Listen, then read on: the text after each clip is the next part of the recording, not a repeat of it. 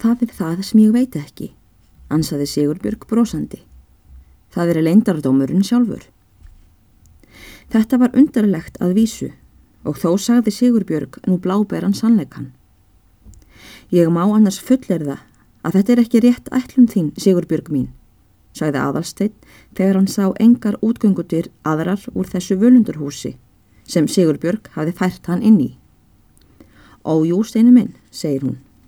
Þú munt sanna orð mín. Þú átt sjálfsagt eitthvað merkjalegt eða fallegt í kísli þínum sem þú hefur ekki séð enn. Og meirað segja, áttir ekki að sjá og ef til vill, máttir ekki sjá fyrir nú. Það er mér alveg óskiljanlegt. En skal verða skiljanlegt, mælti Sigurbjörg brósandi.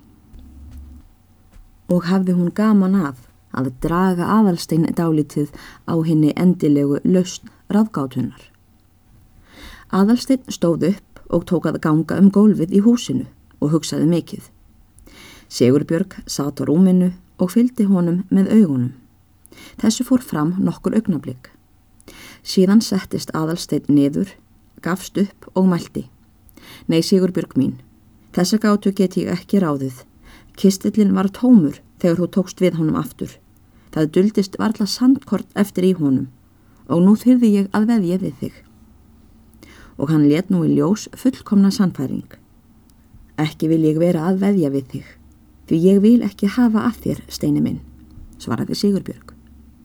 Annað mun þér þykja þegar á reynir en að kistillin hafi tómur verið. Jæja, ég gefst upp hátíðlega og segi mig yfirkomin ef þú sannar mér hitt gagnstæða. Eftir litla dvöl tók nú Sigurbjörg til orða og mælti. Þá er nú fyrst að láta þig vita að kistillin þinn hefur tvöfaldan botn. Tvöfaldan botn, segir aðalsteinn og bregður við þessi tímindi. Hann lítur stórum augum á Sigurbjörgu.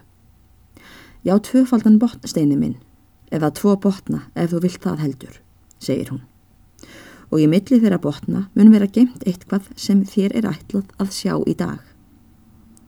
Nú er ég öldungis hissa Sigurbjörg, mælti aðalsteinn og horfi á hana með vaksandi undrun. Tvo botna, það mátti mig svíkja, það kom ég reyndar ekki til hugar. Já, varlega var gerandi fyrir þig að veðja, góður minn, segir hún.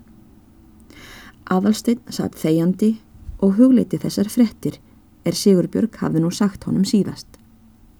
Honum fannst mikið um. Lóks smælti hann. Hvernin átti ég að geta mér þessa til, Sigurbjörg? Því að ég sá engin merki til þess þegar ég fór í kistilinn og skoðaði hann í krók og kring. Nei, það var ekki til vonar. Það mun ekki bera mikið á því í fljótu áliti eða svo að ókunnugir verði varir, mælti Sigurbjörg. Og síðan sagði hún. Þetta var nú annað af því sem ég átti að segja þér, steini minn, í dag. En hitt er um aðferðina til að opna efribotnin og komast í fylgsnið melli botnana. Já, svaraði aðalstein, það langar mig til að heyra og veitti hann nú hverju orði er Sigurbjörg að talaði mestu aðtegli. Það er í rauninni mjög einföld aðferð eftir því sem móðir þín sáluga sagði mér, ansaði Sigurbjörg og víst er allur umbúnaðurinn og brotinn því að innan á framhlið kistilsins, rétt fyrir neðan skrána, á að vera kringlótt að plata, fingur góms stór, þó úr sama efni og samlit hinu trénu. Nú, þessari plötu mun ekki bera mikið á, en þó mun meiga sjá hana ef grant er aðgáð.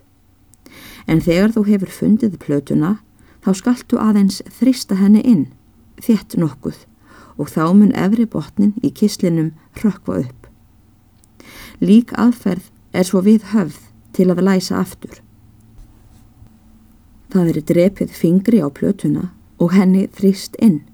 Botnin því næst reki niður og stutt ofan á hann með hendinni á meðan platan hleypur út aftur. Þetta er allur vandin og fylgir því engin varúð önnur svo að ég viti til. Aðalstein satt hugsandi og undrunarfullur undir þessari ræðu Sigurbjörgar. Hún stóð nú upp þegar hún hafði sleft orðinu og gekk að kistunni sem stóð móti rúminu. Tók síðan likilinn upp úr vasa sínum og opnaði kistuna. Á meðan fór aðalstein hendinni yfir hálsin, dró likilbandið upp yfir höfuðið og síðan kom likilinn í ljós. Sigurbjörg hóf hinn græna kistil upp undan kistuhandraðanum þar sem hann hafði nú staðið óhrifður í fimm ár. Lagði hann á borðið og mælti síðan. Nú hef ég þá rekið erindi mitt og fullnægt vilja móður þinnar sálugu steinu minn. Þetta var það sem ég þurfti að finna þig í dag.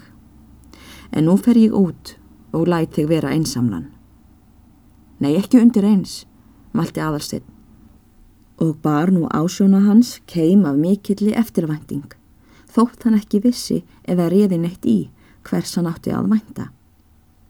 Býtu þangað til að ég hef opnað botnin á kislinum. Jæja, ef þú vilt, þá verður það að vera en mjög efast ég um hvort mamma þín hefur ætlast til að nokkur væri við þegar þú færir í kistilbotnin. Ég skal samt vera rétt á meðan þú opnar.